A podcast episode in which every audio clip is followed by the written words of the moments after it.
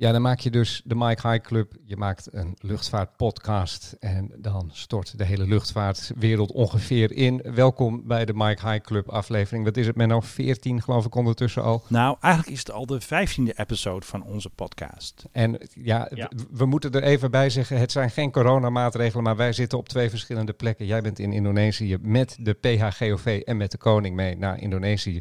Ik zit gewoon in de studio hier in Nederland. Maar ja, we gaan er gewoon een mooie podcast van maken. Fasten your seatbelts. Je luistert naar de Mike High Club.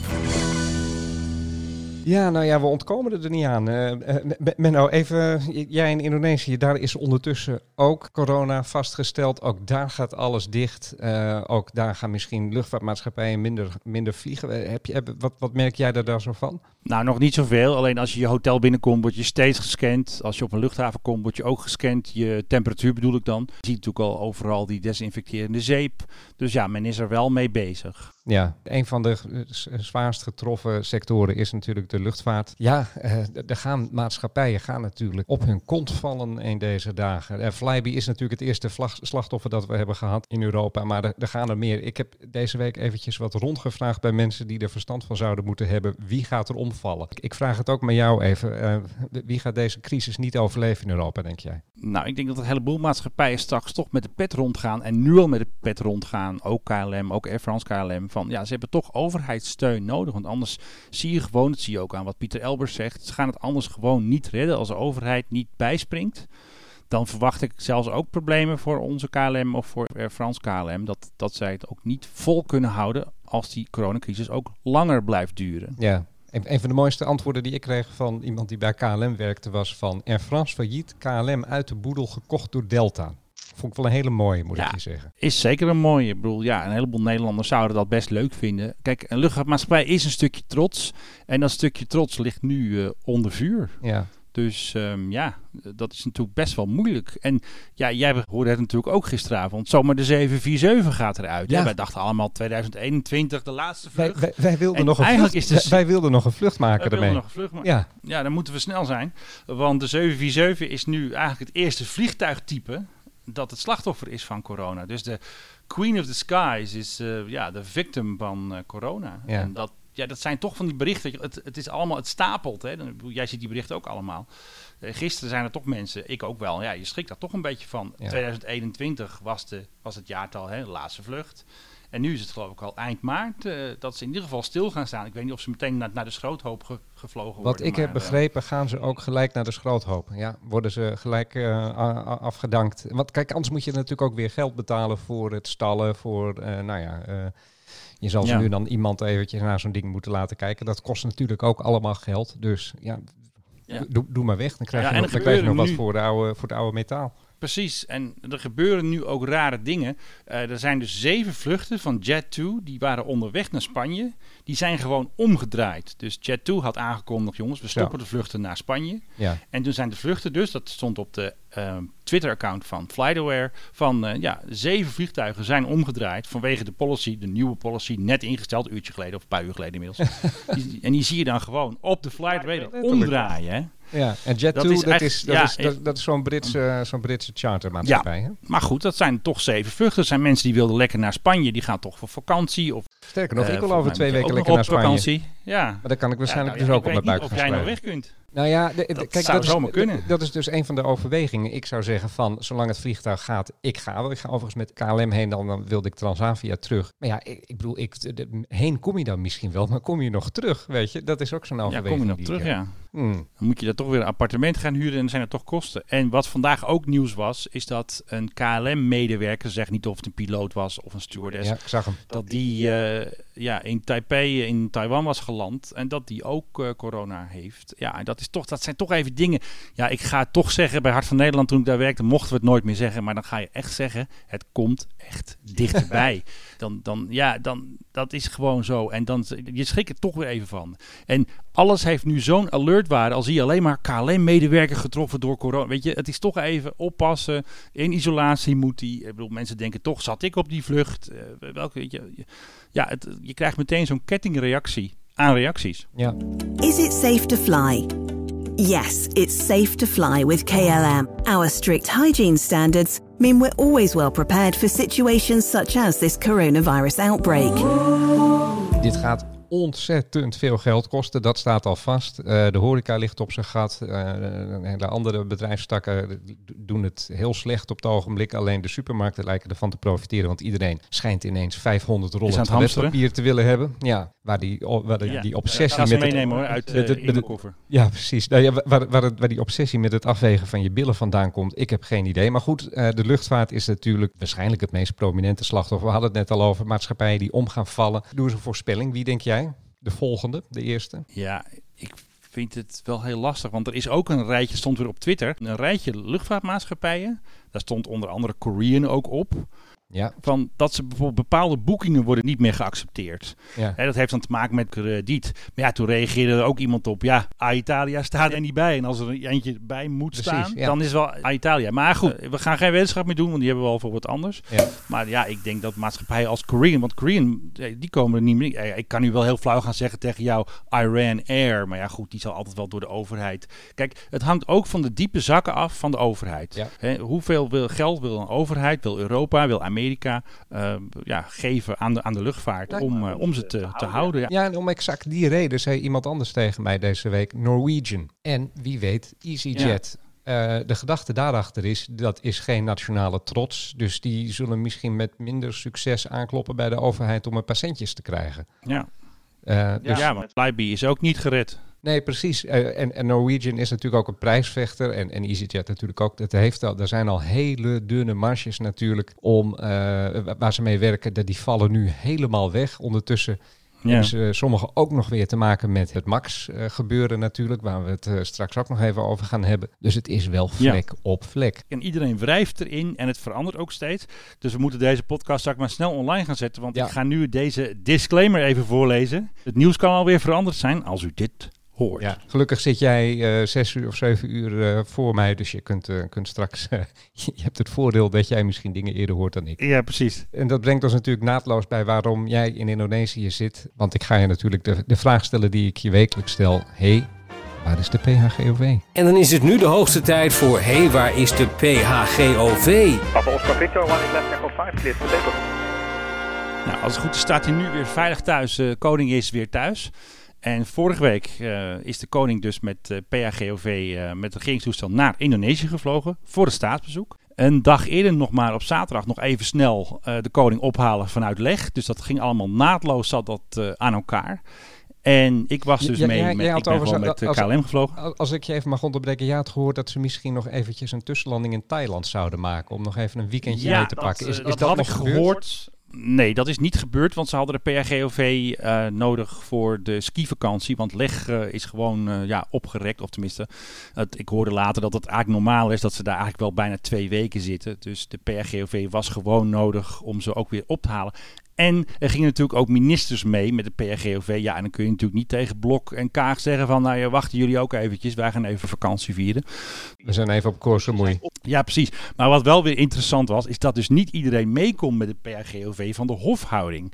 Want omdat er ministers mee waren. En ministers hebben natuurlijk ook een woordvoerder en een secretaris mee. Dus er waren drie ministers mee. En die hebben nou allemaal wel één of twee ambtenaren. Persoonlijk secretaris, woordvoerder mee. Dus sommige mensen van de hofhouding, ja, die vonden dat toch wel een beetje jammer, heb ik gehoord. Maar goed, ze mochten business class eh, KLM. En eh, die konden dus niet mee in de PRGOV. Ja, en jij was natuurlijk ook niet in de PHGOV. Helaas voor jou. nee, jouw helaas. grote Daar wens. willen ze mij niet bij hebben natuurlijk. Ja, Ja. dat is dat. Misschien komt dat nog een keer, maar misschien mag ik wel een keer met minister Blok, want die is inmiddels ook een vriend eh, van de show. Daar hebben we straks nog over. Maar, nou, ik weet niet of je een vriend van de show is, maar in ieder geval, die was wel genegen om iets over de Te zeggen. Nou ja, je, Maar je, je, noemt, toen- je, noemt, je noemt hem nu, eh, eh, het Blok. Volgens mij heb jij ook eh, met hem gesproken over, over het toestel. Ja, dat klopt. Nou, Dat laten, we, klopt. laten, we, En, laten we er even eh, naar luisteren. Voor ons werk moeten we vaak natuurlijk op plekken zijn waar geen lijnvluchten komen. En bijvoorbeeld bij zo'n staatsbezoek heb je ook een groot gezelschap. Dus dan is het onmisbaar. Voor mijn werk, als ik een lijnvlucht kan nemen, doe ik dat. Maar het is vaak zo dat we op plekken zijn, maar die er niet zijn. Of op tijdstippen die voor ons niet passen, om- omdat er alweer een volgende afspraak eh, wacht.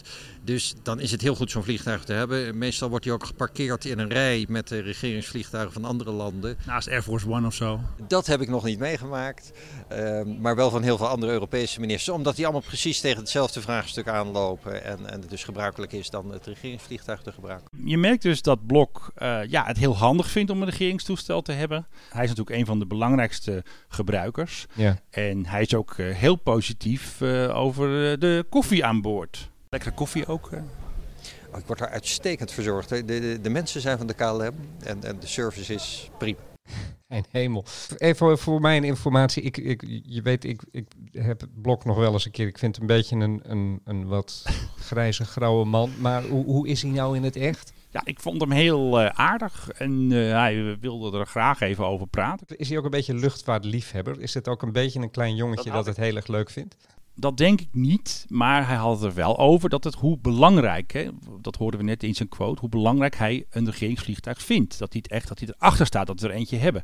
Want er zijn ook mensen die zeggen, ja, ga met een lijnvlucht. Maar ik denk wel dat hij het eh, heel handig vindt en hij is natuurlijk een van de hoofdgebruikers. Ik denk ook dat wel dat hij het leuk vindt om met de PRGOV te vliegen. Nou, zowel aan de binnen- als aan de buitenkant is het mooi Nederlands ontwerp.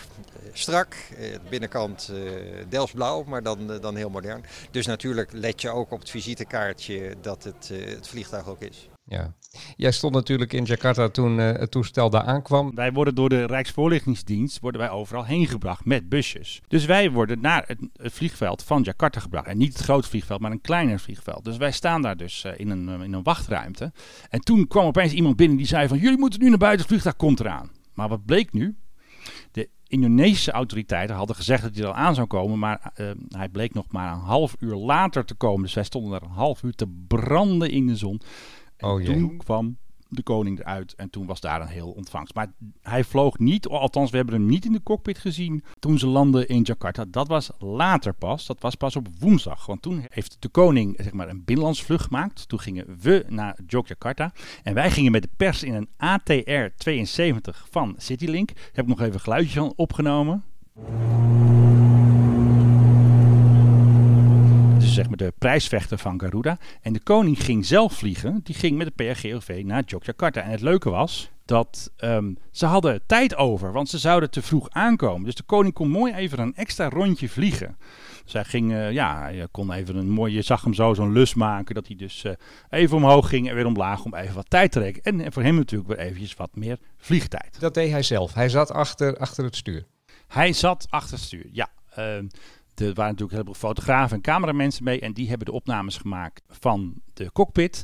En eh, WNL had zelfs nog mijn tweet gebruikt om daar een uh, nieuwsitempje van te maken. We zien hier dat hij zelf het tochtje van Jakarta naar Yogyakarta bestuurt. Want ja, het gezelschap was te vroeg en dus kon hij zelf nog een rondje maken. Toch leuk om te zien. Dat is toch maar een klein stukje. hè? Nou ja, Ja. hij moet zijn vlieguren Ik, maken. ik, om dat- ik doe het hem niet na. Moeten we het nog even hebben over dat, eh, dat je het ook met hem eh, hebt gehad over of hij nou degene is die op die opname staat die wij wel eens een keer gebruiken. Ja, maar dan in moeten, we moeten nog één ander dingetje vertellen. Want het staatsbezoek was ingekort. En daardoor werd ook het hele logistieke schema werd veranderd. De medewerker luchtvaartzaken moesten ze natuurlijk wel een, een paar trucs uithalen. En wat er dus gebeurde, de koning ging mee in ons vliegtuig op donderdag naar Sumatra. Hoe vind je dat? In het vliegtuig met de koning. De, de, de pers mocht mee met de koning. Of eigenlijk, de koning, De koning mocht mee met de pers. Ja, precies, want het toestel was al gehuurd. Dat was een Airbus eh, A320 van Citylink. Dus de koning vloog gewoon in een prijsvechter. Nou, fantastisch natuurlijk. En eh, wij gingen via de achteringang. Wij moesten achterin blijven. En de koning ging via de vooringang. Er werd natuurlijk nog eventjes een tamboerorkest werd nog even opgetrommeld. En ze hadden dus ehm, aan de voorkant hadden ze dus heel mooi met bloemen hadden ze de boel versierd. Dus normaal is dat gewoon een, saai schot. Hè. Zeg maar, als je op rij 1 zit, dan heb je een mooie beenruimte en dan is daar een saai, eh, ja, zo'n schot eigenlijk. En nu hadden ze dat helemaal mooi versierd met bloemen. En ze hadden zelfs, en daar heb ik een fragmentje van, nog een, een, ja, een speciale boodschap ook. Ik heb hem alleen helaas in het eh, Indonesisch, maar het was ook in het Engels, maar een boodschap voor de koning. Dat ze blij waren dat hij aan boord was. Mohon maaf terhormat Yang Mulia Raja Willem Alexander Ja, en om het verhaal af te maken. Wij landen op een heel klein vliegveld in Sumatra. De PRGOV kwam later, toen het staatsbezoek was afgelopen, kwam de koning weer ophalen. Maar van de KLM mocht de, koning, mocht de PRGOV niet landen op dat kleine vliegveld. Dus Wat Wacht ze even. gedaan hebben, is je dat bent met een Airbus 320 mocht je er wel landen, Ja, maar met een ja. Boeing 737 Die mag wel. niet. Wat is dat voor flauwekul? Dat heeft met KLM te maken. KLM doet de operations van de PRGOV. Dus zij stellen de regels vast. Zij doen de risicoanalyse. Zij bekijken de infrastructuur en de omgeving. En volgens de KLM-regels mocht de PRGOV niet landen op dat kleine vliegveld. Dus vlogen ze naar Medan en moest de koning aan het einde van het staatsbezoek... mocht hij een extra ja, een lange autorit maken naar het vliegveld van eh, Medan. Dus het heeft met te maken met de Nederlandse KLM-regels... die dus wat strikter en wat strenger zijn dan de Indonesische regels. Want wij gingen gewoon in het donker met de A320 huppakee weer naar Ja. Jakarta. En de koning moest nog even doorrijden. En die ging vanaf eh, Medan. Jongen, jongen. Ja, ik heb die weg zelf ook wel eens een keer gereden. Dat is een lange. En ik, en ik kan je vertellen, die weg is gevaarlijker dan wat dan ook, eh, welk risico hij dan ook had gelopen vanaf dat vliegveld waar jullie zijn Ja. vertrokken. Want dat, eh, ja, Ja, goed, precies. De, de Indonesiërs en rijden, eh, ja, ze hebben een iets andere opvatting. Nou, ze hadden wel goede chauffeurs over de koning, denk ik. Hij zal ongetwijfeld met een escorte zijn gegaan met, eh, met, met gierende eh, sirenes en dat soort dingen. Maar dan nog, eh, het, is een, eh, Ja. het is een redelijk riskante weg, kan ik je vertellen. Ja, zeker weten. Ja, en ik had dus een vraag voorbereid. Want je, en alle leden van de pers, elk medium, mag dan een vraag insturen. Het gaat gewoon via WhatsApp. en Het gaat niet via Telex of Postduif, gewoon via WhatsApp. En ik wilde dus een vraag stellen over de PAGOV. Dus ik had een, gewoon een vraag gesteld hoe het als staatshoofd is om te vliegen met de PAGOV. Dus ik had zelfs piloot eruit gehaald uit mijn vraag. Want je kan zeggen, ja, als hij piloot is, dan is het ook een beetje vrije tijd. En daar wil de koning Ja. iets over zeggen. Dus, dus ja, en de koning zette me meteen op het verkeerde been. Dus ik stelde, dus, hè, je staat op een rijtje met alle, alle pers. En ik ging dus ook mijn vraag stellen. Majesteit, hoe is het om te vliegen met het nieuwe regeringsvliegtuig PAGOV in uw hoedanigheid als eh, staatshoofd? De koning begon dus meteen over klaarblijkelijk het fragment van vorig jaar wat ik online had gezet van zijn stem. En de koning zei, daar gaan we ook zo even naar luisteren, dat ik goed moest luisteren naar zijn stem. En eigenlijk kreeg ik, ja, het voelde als een beetje, een beetje onderuit de zak over dat fragment van vorig jaar. Toen ik dus, ja, ik had dat ook, ook fout. Ik dacht toen de stem van de koning te horen. En eh, dat bleek dus onjuist. En twee dagen later heb ik dat ook eh, ja, gezegd van in mijn enthousiasme dat ik eh, ja, de verkeerde stem gehoord had. Ehm, als u op mijn stem let, dan maakt u de volgende keer misschien niet weer de fout dat u mij. Eh, neem het even goed op. Ehm, eh, dan misschien heeft het de volgende keer wel goed. En het leek alsof de koning dus daar eh, ja, een soort eh, verwijzing naar maakt. Maar hij gaf feitelijk niet eens meteen antwoord op de vraag. En op het einde heeft hij nog even heel snel gezegd dat de PRGOV, dat is natuurlijk een BBJ, dat het dezelfde kist is als een gewone 737. Eh, als elke andere 737. Gewoon vliegen als 737 KLM-piloot. Zelfde kist. Toen ging Maxima nog een beetje bijlachen. En dat geluidje, dat komt in de soundboard. Zelfde kist. Dat wordt eventjes, eh, net als Gerard Joling, wordt gewoon even een vast eh, geluidje denk ik, Ja. in- in onze podcast, denk ik. Maar, maar, maar to- toch, als ik je heel even mag onderbreken. Hij wist dat jij dat ene fragment had gebruikt. Dat Kunnen denk ik wel, want hij begon er meteen hier- over. Kunnen wij hieruit concluderen dat onze, onze vorst, koning Willem-Alexander, eh, luistert naar eh, fragmenten die jij op Twitter zet en dat hij wellicht ook luistert naar deze podcast? Ik denk zelf dat de AIVD een dossier over mij heeft dat, de koning dan inziet. Ja, ik denk, eh, dat zeiden ook andere mensen. Want dus we zijn natuurlijk zo'n hele persgroep met persmensen, die zeiden dat ook. Ja, en dat vind ik ook zelf het leukste. Ik denk dat hij wel weet wat ik ben of wie ik ben en wat ik doe. En daar heeft hij wel eh, van gehoord dat, eh, dat zijn stem online staat. En daar wilde hij even meteen een punt van maken. Dus eh, ja, ik kreeg een soort, hoe zeg je dat, eh, veeg uit de pan van de koning eigenlijk. Maar goed, dit ik probeer het natuurlijk weer...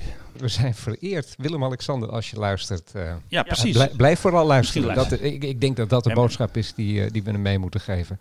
Leuk dat je erbij Ja, bent. precies, misschien, misschien... misschien- wil je wel eens een keer hier op het Rietlandpark in Amsterdam komen om in de studio eens eh, mee te praten over luchtvaart. Eh, altijd van harte welkom. Toch? Dat zou natuurlijk helemaal fantastisch zijn, absoluut. hey, ehm, ja, dat corona dat hangt natuurlijk als een soort zwaard van Damocles boven alles. Maar eh, Ja. er was ook nog wel wat ander eh, luchtvaartnieuws afgelopen weken. De, de Russen hebben weer eens een keer van zich laten horen, geloof ik. Ja, de Russen waren heel erg bezig. Die hebben echt heel veel vluchten gemaakt met eh, zowel een TU-142, dat is zo'n zo'n grote met propellers, dat is een Ja. groot verkenningsvliegtuig. Ziet er heel oud uit. En die brommen dan zo over de... Is ook heel oud, Menno. Dat basismodel is uit, ik geloof al uit de jaren 40. Dus Een soort eh, B-52, maar dan anders. En die houdt dus de NAVO in de gaten. Want die houdt de NAVO-onderzeeërs in de gaten. En de Britten die hadden weer de QRA, dus die gingen er met hun typhoons weer op af. Als ze dus in de Europese of NAVO, dat noemen ze Area of Interest. Het is dus niet luchtruim, dat wordt heel vaak door elkaar gehaald. De Russen kwamen niet in het luchtruim van welk land dan ook. En ook in Noorwegen waren ze bezig. En toen um, gingen de Nooren hun nieuwe F-35 op de Russen afsturen. Ah, de Russen waren natuurlijk weer aan het... Uh, ja provoceren. En een Rus heeft gefilmd, heeft de F-35 gefilmd, want de Russen zetten ook die filmpjes online. Dus de Engelsen zetten filmpjes online. De Noorden heb ik nog niet gezien, maar er, er was ook een Russische filmer hè, vanuit de, de Tupolev. En die ging dus een filmpje van de F-35 online zetten of op het, uh, het vaste YouTube-kanaal. En er was ook een, werden ook bommenwerpers gesignaleerd. Het is de Tu-160 Blackjack Strategic Bomber. Um, die was ook um, ja, in het gebied zeg maar, rond Engels. Dus eigenlijk vliegen ze gewoon rondjes. Maar wat ik nog even kan vertellen, als jij het nog interessant vindt. Die uh, Tu-142 wordt ook gebruikt voor communicatie met Russische kernonderzeeërs. Dus die hebben vaak zo'n lange lint, zo'n lange lint achter zich aan om uh, zeg maar verbinding uh, te maken. Ja.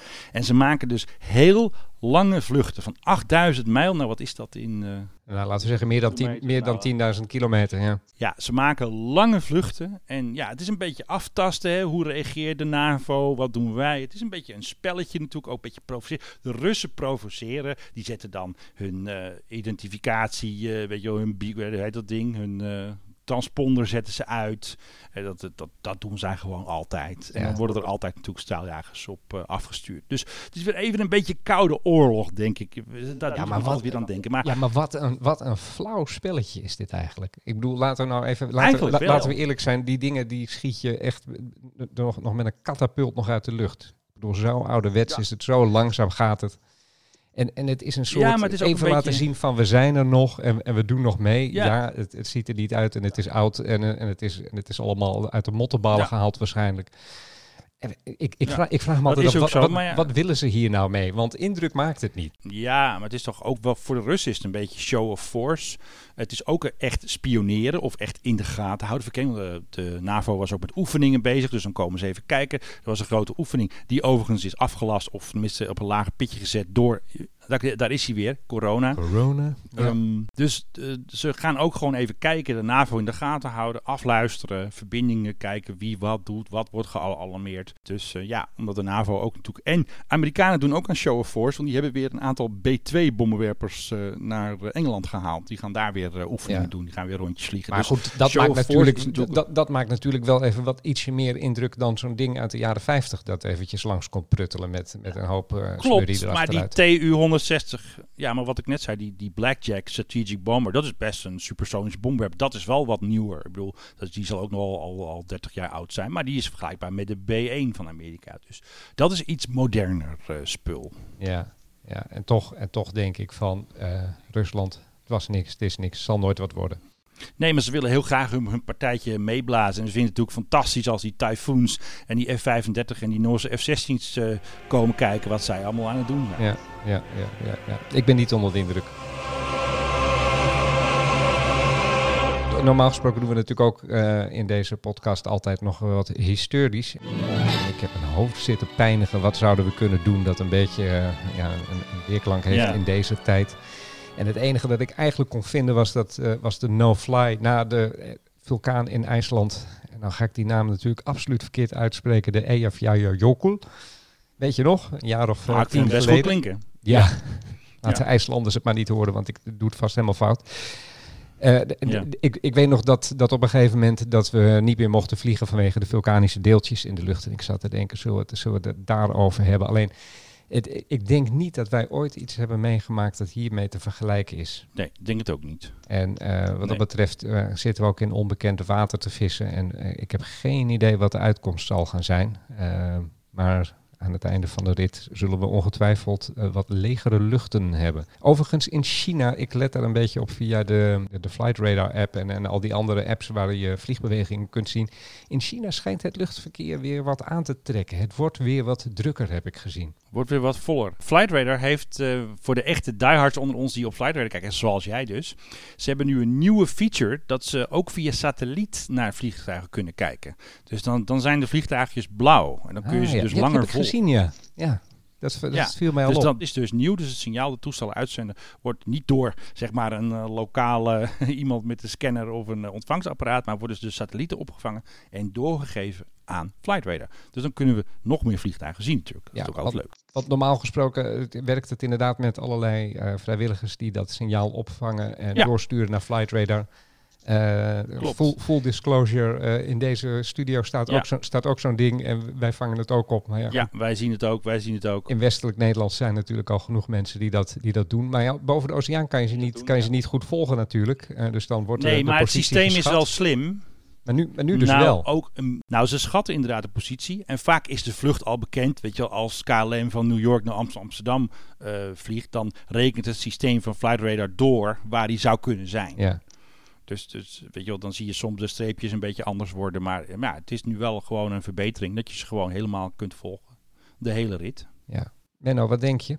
Zijn we er? We hebben de Max nog. So when you think more, think Boeing 737 MAX 10.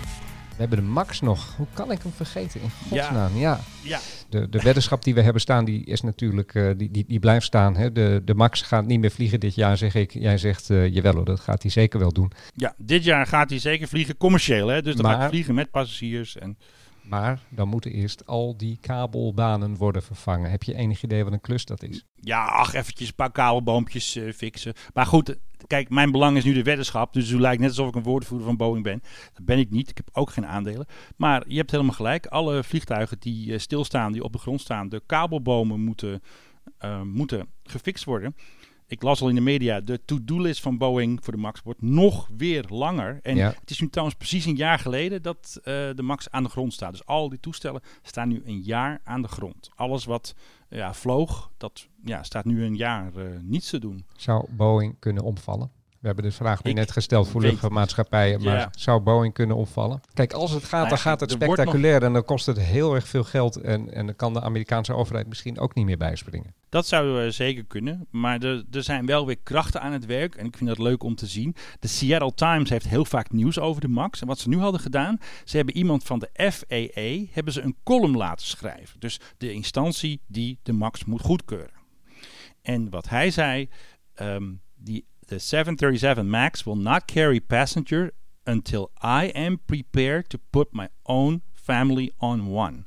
Dus dat is wel een bepaalde tactiek om dus iemand van de FAA zo'n column te laten Zo, schrijven. Zo, ja. We doen er alles aan en we, eh, we, we gaan er pas mee vliegen. Of Boeing gaat er pas mee vliegen of uh, TUI of whoever. Als ik mijn gezin aan boord wil hebben of als ik dat toesta. Ja, maar Dus mag, mag ik even, mag ik even is- wat stoms zeggen? Dat, is, dat, dat zou toch altijd de overweging moeten zijn? Ik bedoel, Ja, maar dit is dus echt, ja, dit is PR, dit is eh, public relation. Want ja, de FAA heeft het natuurlijk goedgekeurd en toen klapte hij naar beneden twee keer. Ja. Dus dit is ook waarschijnlijk een onderdeel een, ja, voor de FAA van, nou, we gaan eventjes eh, iemand een kolom laten schrijven. Zo, want we doen er alles aan en het proces is goed en we, we doen niks zomaar. En het, eh, het gaat voor de verbetering van de luchtvaart en we gaan het nog breder trekken. En dit is echt zo'n manier om even te laten zien van, nu gaan we het wel goed doen.